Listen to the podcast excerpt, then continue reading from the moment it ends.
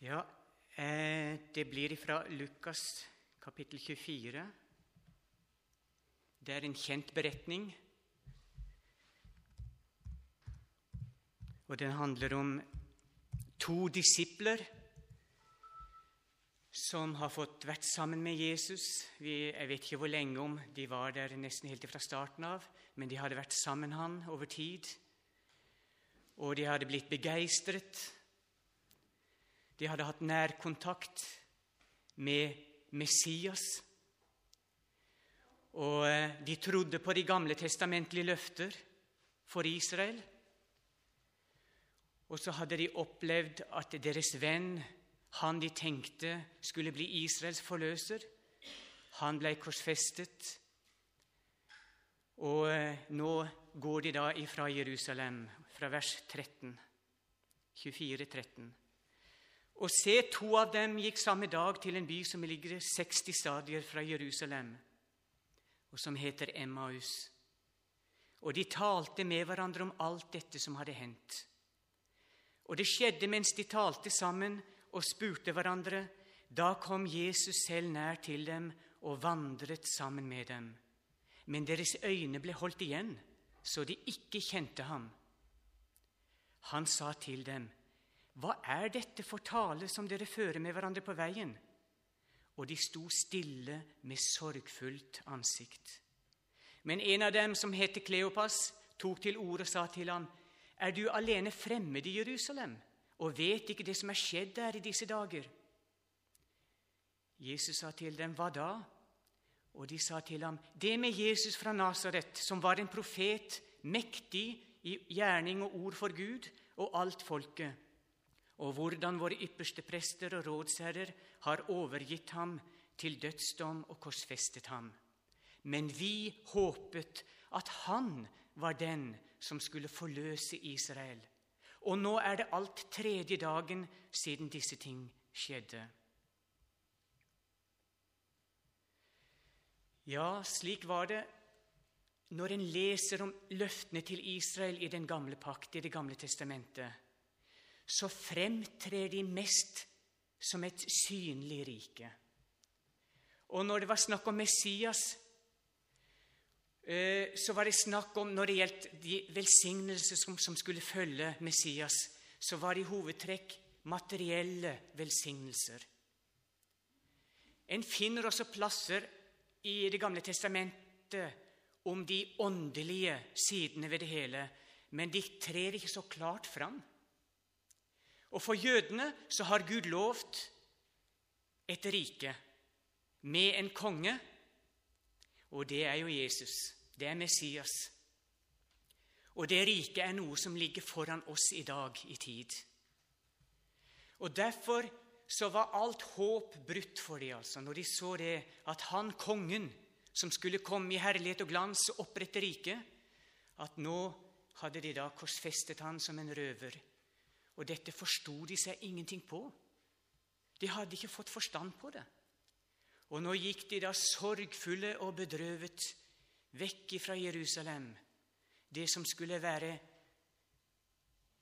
eh, Messias glansby vet du, i herlighetsriket, mot Emmaus. Det var skjult på en måte dette at før Jesus kunne innføre riket, så måtte han få mennesker til å passe inn i dette riket. For det at det naturlige mennesket det passer nemlig ikke inn i Guds rike. Hvis vi leser Bergprekenen, så er det rikets lov. Det er de lover som skal regjere i Guds rike, i det messianske riket. Og vi mennesker vi passer ikke inn der. I hvert fall dersom vi erkjenner oss sjøl slik som Bibelen beskriver oss. Fariseerne spurte Jesus når Guds rike skulle komme, Lukas 17, og da svarte Jesus dem Guds rike kommer ikke på den måten at en kan se det med øynene. Heller ikke skal de si 'se her er det', eller 'der'. For se, Guds rike er inni dere. Så før Messias kunne tilby mennesket riket, så måtte han gjøre noe for mennesket, slik at de kunne passe inn i dette riket. Han måtte etablere dette riket i menneskehjertet først. I Jesajas 31 står det slik.: Se, dager kommer, sier Herren, da jeg vil opprette en ny pakt med Israels hus og med Judas hus. Ikke som den pakt jeg opprettet med deres fedre på den dagen da jeg tok dem ved hånden for å føre dem ut av Egypt. Den pakt med meg som de brøt, enda jeg var deres ektemann, sier Herren. Men dette er den pakt jeg vil opprette med Israels hus etter de dager. Jeg vil Jeg syns det er fantastiske ord. Jeg vil, sier Herren, gi min lov i deres sinn og skrive den i deres hjerte. Gud må først gjøre noe her inne med oss. Og jeg vil være deres Gud, og de skal være mitt folk. Altså I den gamle pakt, den første pakt, så fulgte det med klare betingelser. Altså når Gud gav dem loven på Sinai. Dersom dere, sier Gud, dersom dere vil høre på mine bud og være lydige og gjøre etter dem, så skal dere få være mitt folk, og dere skal få være prester for meg. Det fulgte betingelser, klare betingelser. For å, dersom de oppfylte det, så skulle Gud være deres Gud, og de skulle få lov til å være hans folk. Men vi vet jo at det gikk ikke. Men nå, sier Herren, så presenterer han en mye, mye bedre pakt. Jeg vil gi min lov i deres sinn og skrive dem i deres hjerte. Og de skal ikke mere lære hver sin neste og hver sin bror Kjenn Herren, for de skal alle kjenne meg, både små og store. Både små og store. Det uttrykket 'kjenn meg' det er noe mer enn kunnskap. Det er egentlig et nytestamentlig uttrykk. Det å kjenne Jesus, det er det som er det evige liv. Det evige liv er å kjenne ham. Det er å få et personlig forhold til Jesus. Det er å få Han i våre hjerter. Det er å bli født på ny. Kjenn Herren, for de skal alle kjenne meg, både små og store, for jeg vil forlate deres misgjerninger og ikke mere komme deres synder i hu. Og det vet vi, det er forløsningen. Det er det som skal til for å komme inn i dette riket.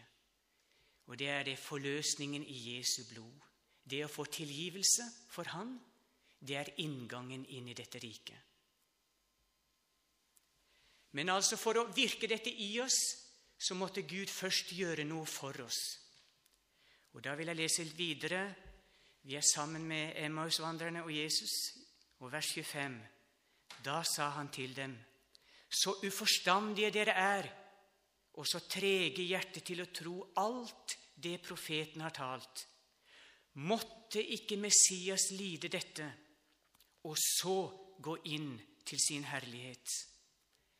Måtte ikke Messias lide dette før herligheten? Og det er et åndelig prinsipp. Korset kommer først, og så herligheten. Og han begynte fra Moses og fra alle profetene og utla for dem i alle skriftene det som er skrevet om ham. Jeg nevnte litt her på onsdag og trakk fram mottoet. Det var 'Hva skal vi gjøre med Bibelen, og hva skal vi gjøre med Jesus?' Og så presenterte jeg eh, Bibelens syn på Guds ord. Og det er godt å merke her at Jesus han brukte Skriftene han brukte Guds ord. Han gav Skriften autoritet og gyldighet. Han utla for dem det som var skrevet i Det gamle testamentet om ham, Ifra alle skriftene, står det. Så han bruker sitt eget ord, Guds ord, til å forklare Emmausvandrerne hvorfor Jesus måtte lide, hvorfor han måtte dø. Og På samme måte så trenger vi òg Guds hjelp. Vi trenger hjelp fra Jesus til at Skriftene blir åpenbart for våre hjerter. Og I dag så har vi ikke Jesus synlig ved vår side. Men jeg tror faktisk vi har noe som er enda bedre. Han er ikke på utsiden, men han har kommet inn i våre hjerter. Alle dem som har tatt imot ham og blitt et Guds barn, de har fått Jesus på innsiden. De har fått Den hellige ånd på innsiden. Og nå er det altså Den hellige ånd som vil være den som vandrer sammen med oss og opplater Skriftene for oss og kan forklare Jesus for oss fra Det gamle testamentet og fra Det nye testamentet. Og det er altså Den hellige ånds store oppgave. Det er å formidle Jesus. Det er en som har sagt det slik Den hellige ånd har ikke noe ansikt som vi kan feste vårt blikk på. Han vil ikke ha noen oppmerksomhet, men han ønsker å kaste lyset på Jesus sånn at vi ser hans ansikt og blir opptatt med han. Det blir litt sånn sidesprang, dette her fra Emmaus-beretningen. Eh, angående Den hellige ånd så sier Jesus i Johannes 14.: Og jeg vil be Faderen, og han skal gi dere en annen talsmann, for at han kan være hos dere evig. Og det syns jeg er trøstefullt. Jesus han forlot disiplene. Men heldigvis så var det bare for en stund. Han sa, 'Jeg vil ikke etterlate dere farløse, men jeg vil komme til dere, meg og min far, og vi vil bo i dere ved min ånd.' Tenk at vi har fått Den hellige ånd for at han skal være der i all evighet. Vi har fått evigheten, det evige liv inn i våre hjerter nå, her i denne tiden. Det er utrolig flott og vakkert. Tenk å få del i det løftet. Verden kan ikke få han, for den ser ham ikke og kjenner ham ikke. Men dere kjenner ham. Altså igjen det uttrykket 'kjenne'. Dere kjenner ham, for han blir hos dere og skal være i dere. Og han skal lære dere alle ting, står det i 1426, Johannes, og minne dere om alle ting som jeg har sagt dere. I skolen har vi noe som heter tilpasset opplæring. Og det er ikke så lett å praktisere. Men det er jo et fantastisk mål da, at den enkelte elev skal få et skreddersydd opplegg som er tilpasset den enkelte elev. Men dessverre så er det jo ikke ressurser nok det skulle helst ha vært én lærer på én elev. Da kunne det målet til fulle blitt fylt opp. Men tenk at Jesus han driver tilpassa undervisning. Han har gitt hver enkelt av oss Den hellige ånd, og Jesus han kjenner våre hjerter. Den enkeltes hjerte. Han vet våre behov. Han kjenner våre skrøpeligheter. Og han vet hvordan han skal oppdra den enkelte. Vi har eh, hatt fire barn, eller fremdeles har vi én i huset. Og vi ser jo det at det, det er jo, vi må jo bare praktisere oppdragelsen forskjellige. Det blir bare sånn. Og tenk å ha en med seg altså, som kjenner oss helt, helt ut, og kan drive tilpasset undervisning med oss i sin kjærlighet. Det har måttet ha vært spennende å være sammen med Jesus der på veien og vært en tredje person der og lyttet til hvordan han utla Skriftene. Og jeg lurer på jeg skal tro, hva, hva var det Jesus trakk fram der? Og da tenkte jeg på det at ja, det må ha, i hvert fall tenker jeg, ha vært Jesajas 53. Jeg kan ikke tenke meg noe klarere vitnesbyrd fra Det gamle testamentet om hvorfor Jesus kom, om hva han gjorde, om hans lidelse og om hans død. Jeg kunne lyst til å lese hele, men jeg kan starte, vi kan ta litt av det. Jesajas 53.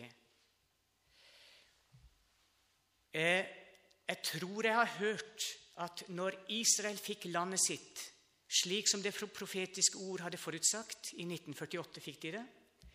Omtrent på samme tid, jeg husker det ikke, så oppdaget de Dødehavsrullene inni en hule der nede ved Dødehavet. Og det ble jo til veldig oppmuntring for det jødiske folk.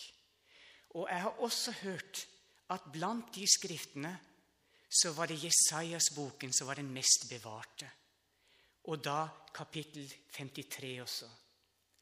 Og det er forunderlig å tenke på at når jødene kommer, en dag kommer på plass, så skal det være spesielt dette kapitlet som skal bli åpenbart for dem når de en dag skal ta imot Messias. Foraktet var han, står det i vers 3, og forlatt av mennesker. En mann full av piner og vel kjent med sykdom. Han var en som folk skjuler sitt åsyn for foraktet, og vi aktet ham for intet. Sannelig, her kommer erkjennelsen. Sannelig, våre sykdommer har han tatt på seg, og våre piner har han båret. Men vi aktet ham for plaget, slått av Gud og gjort elendig. Men han er såret for våre overtredelser, knust for våre misgjerninger. Straffen lå på ham for at vi skulle ha fred, og ved hans sår har vi fått legedom.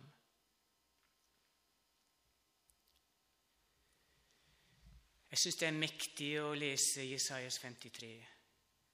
Det står helt på slutten der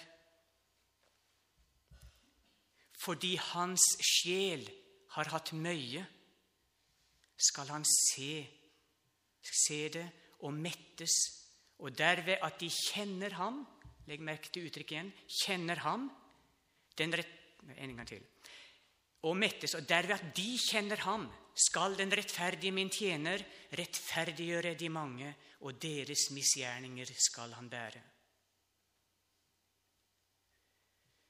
Tenk, når det gikk opp for mitt hjerte eh, ca. et halvt, halvt års tid etter at jeg formelt må jeg si, sa ja til Jesus når det virkelig gikk opp for meg, altså, så kjente jeg det at en utrolig glede og takknemlighet. Tenk at det var for min skyld. Og det er det som må gå opp for den enkelte. At det må bli personlig. At Jesus må bli personlig og nær. Og at Den hellige ånd må få levendegjøre ordet for våre hjerter. Jesus sier sjøl i Matteus 12 og Der trekker han fram igjen Gamle testamentet. For like som Jonas var tre dager og tre netter i fiskens buk, slik skal menneskesønnen være tre dager og tre netter i jordens skjød. Igjen bekrefter Jesus ordet og gir det autoritet. Han sier ikke at det var en historie eller at det var et eventyr, dette her. Nei, for like som Jonas var tre dager og tre netter i fiskens buk, like reelt Det hendte en gang. Like reelt skal det være at han selv skulle være tre dager og tre netter i jordens skjød. Jesus bruker altså Det gamle testamentet for å forklare sitt komme, sin hensikt med det at han kom. Og jeg sjøl har fått stor velsignelse av å lese Jonas. For jeg føler det at det er mange andre sider ved den beretningen som forteller noe om hvorfor Jesus kom, og forteller noe om hans oppgave. Hvis vi leser fra Jonah kapittel 1 vers 7 Dere kjenner beretningen. Jonah var en eh, profet. Han fikk kall ifra Gud om å gå ut med et budskap til hedningeverdenen, til Ninive.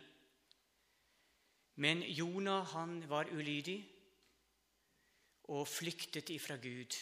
Han ville ikke gjøre det Gud sa han skulle gjøre.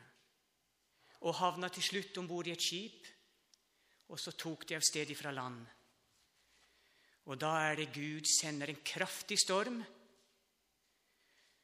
for å vekke opp Jonah. Og Fra vers 7 står det Og de sa, altså de som var om bord, de ble jo fryktelig redde. Og de sa til hverandre, 'Kom, la oss kaste lodd, så vi kan få vite hvem som er skyld i at denne ulykka har hendt oss.' Så kastet de lodd, og loddet falt på Jonas. Og da sa de til ham, 'Si oss hvem som er skyld i at denne ulykka har hendt oss.' 'Hva er ditt ærend, og hvor kommer du ifra?' spør de Jonas da. Hva land er du fra, og hva folk hører du til? Og han svarte, Jeg er en hebreer, og jeg frykter Herren himmelens Gud, Ham som har gjort hav og det tørre land. Og da ble mennene grepet av stor frykt, og de sa til ham, Hvorfor har du gjort dette? For de visste at han hadde flyktet bort fra Herrens åsyn, for det hadde han fortalt dem. Og de sa til ham, Hva skal vi gjøre med deg for at havet det opprørte hav, kan legge seg for oss. Og da svarte han, ta meg og kast meg i havet, så vil havet legge seg for dere. For jeg vet at det er min skyld at denne store storm er kommet over dere. Og Mine tanker går da til Jesus. Han er jo ingen Jonas på den måten at han var ulydig. Nei, Jesus var fullkomment lydig, og det var hans lyst å gjøre Faderens vilje. Men det står 'og loddet falt på Jonas'. Og Da tenker jeg meg at og dette, dette opprørte hav det tror jeg er et bilde på Guds vrede, på Guds dom, som kommer over mennesket. Fordi ikke bare Jonas er ulydige, men vi er alle, alle mennesker er under Guds dom, under Guds vrede på grunn av synd. Så alle om bord i den båten var i realiteten under Guds dom, representert med dette veldige havet, disse store bølgene. Men så falt altså loddet på Jonas. Og Jonas sa, 'Hvis dere kaster meg over bord, så vil havet legge seg.' Så vil det stilne. Og jeg tenker på den oppgaven Jesus hadde. Guds lodd falt på Jonas, og jeg tror en kan si det samme, at Guds lodd falt på Jesus. Fra evighet av så var det Jesus sin lodd å gå inn under Guds dom, inn under Guds vrede for oss. Det var hans lodd å være Guds offerlam allerede før verden ble til, og før mennesket var skapt. Og da Jesus utåndet på Golgata, så ble Guds rettferdighet tilfredsstilt. Guds dom og Guds vrede, den lov ble lagt over på Jesus. Og når han hadde sonet all verdens synd, så var Guds rettferdighetskrav oppfylt. Det er fantastisk å tenke på hva Jesus har gjort. Og da Jonas ble kastet over bord, så opplevde de at det ble helt stille.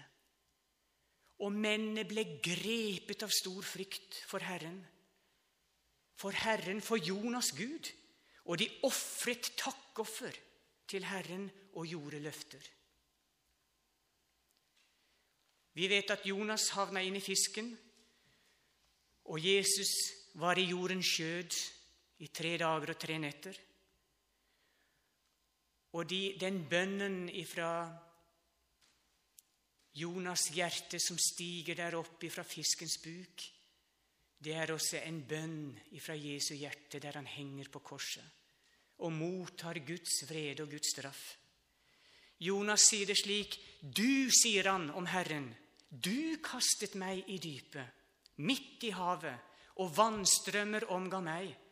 Og alle dine brenninger, Gud, omgav meg. Og dine bølger gikk over meg. Jeg tenkte, jeg er støtt bort fra dine øyne, men jeg skal atter skue opp til ditt hellige tempel. Og hva var det Jesus ropte der på korset? Min far, min far, hvorfor har du forlatt meg? Ropte han i sin smerte og i sin nød. Da var han forlatt av Gud fullstendig. De tre timene han hang på korset, så ble han gjort til synd og gjort til en forbannelse. Og Gud Faderen, som elsket han, snudde ryggen til. Og det var ingen hjelp å få. Og da var Jesus helt alene imot ondskapens ånde her og opplevde ja, Vi kan ikke beskrive det, men straffen for all verdens synd, det rammet ham der. For at havet skulle bli stille for oss. Jeg syns det er fantastisk. Og Når en leser Det gamle testamentet, så er det for meg er dette her så rikt med sånne bilder. Når jeg leser Det gamle testamentet, så blir det så fantastisk å lese det. For det at Det nye testamentet forklarer det for meg. Og Derfor blir det sånn ekstra velsignelse, synes jeg, å lese fra Det gamle testamentets skrifter. Han utla Skriftene for dem. Han utla Skriftene for dem. Vi går tilbake til Emmausvandrerne, og de var nær byen som de gikk til. Og han lot som han ville gå videre. Og da nødde de ham og sa, 'Bli hos oss, for det stunder til aften, og dagen heller.' Og han gikk inn og ble hos dem. Det var noe der som rørte ved disiplenes hjerter, virkelig dypt. Det var noe ifra de ordene som Jesus talte om, som beveget hjertene deres. Og Jesus han lot som han ville gå videre. Det var ikke det at Jesus ikke hadde lyst til å gå inn til dem, men han lot som han ville gå videre. Gud, han prøver våre hjerter. Det er han som tar initiativet. Det er han som taler til oss. Det er bare han som kan få bevege våre hjerter.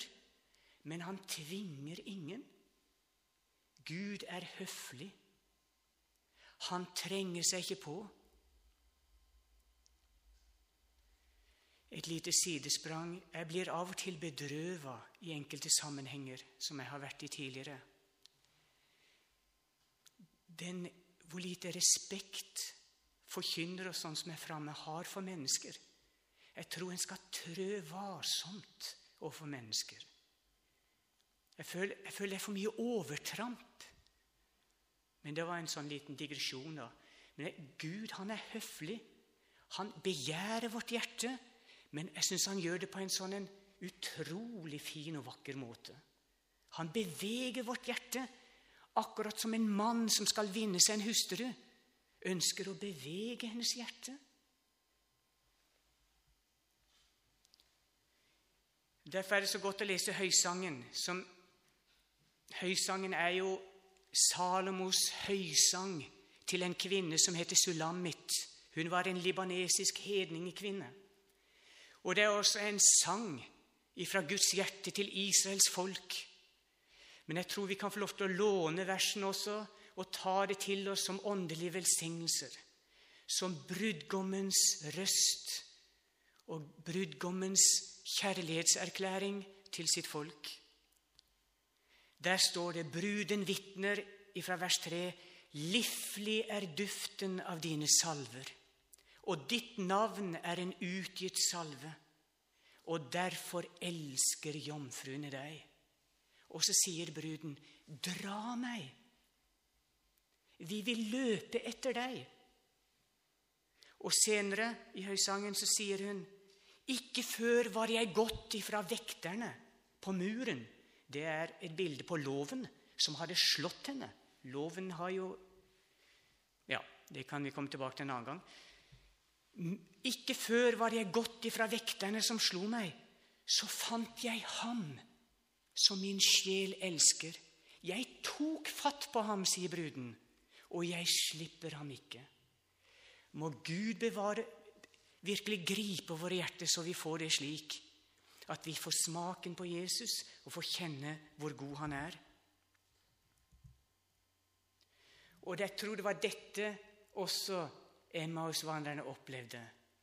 Den dragende makt som Jesu ord virket på deres hjerte. Nei, de ville ikke la ham gå. De ville ha mer av han. De ville at han skulle tale mer av disse livssalige ord. Og de nødde ham. Bli hos oss. Og bruden igjen. Jeg slipper deg ikke. Jeg slipper deg ikke. Det er en sannhet at Gud har grepet oss. Det er en sannhet at Gud aldri vil slippe oss. Og det er fantastisk. Det er noe vi kan hvile i. Og så er det også en sannhet at han kan virke i oss denne dragende makt. Og han kan virke i at at vi kan få kjenne ham. Virkelig hans kjærlighet. Og at vi kan bli opptent og bli grepet av han. Slik at vi Det blir sånn i våre hjerter. Jeg, jeg slipper det ikke. Som Jakob i nød der og kjempet med Gud. 'Jeg slipper det ikke', sa han. Og sånn må det bli for oss òg. At vi har denne stadige lengsel. Herre, du har grepet mitt hjerte. Herre, hvem skal jeg gå til? Du har det evige livsord. Ja, kjære Jesus, takk for ditt ord. Det er ånd og liv. Det har spirekraft i seg selv. Herre Jesus, må du gripe våre hjerter, må du gripe mitt hjerte mer. Hva skal vi gjøre med Bibelen, hva skal vi gjøre med deg, Herre? Kjære Jesus, hjelp oss, Herre, så vi søker inn til kilden, Herre Jesus. Gi oss denne lengselen på dypet av våre hjerter, Herre at vi søker deg, Herre. Hellige Ånd, må du levendegjøre ordet for oss og gripe våre hjerter. Hellige Ånd, må du peke på Jesus og gjøre han stor for oss. Må du åpne Skriftene for oss, så våre hjerter begynner å brenne, Herre. Grip oss. Trekk på våre hjerter, Herre, og hjelp oss til å alltid ha denne trangen, Herre. Vi vil bli hos deg. Hos deg er det godt å være. Amen.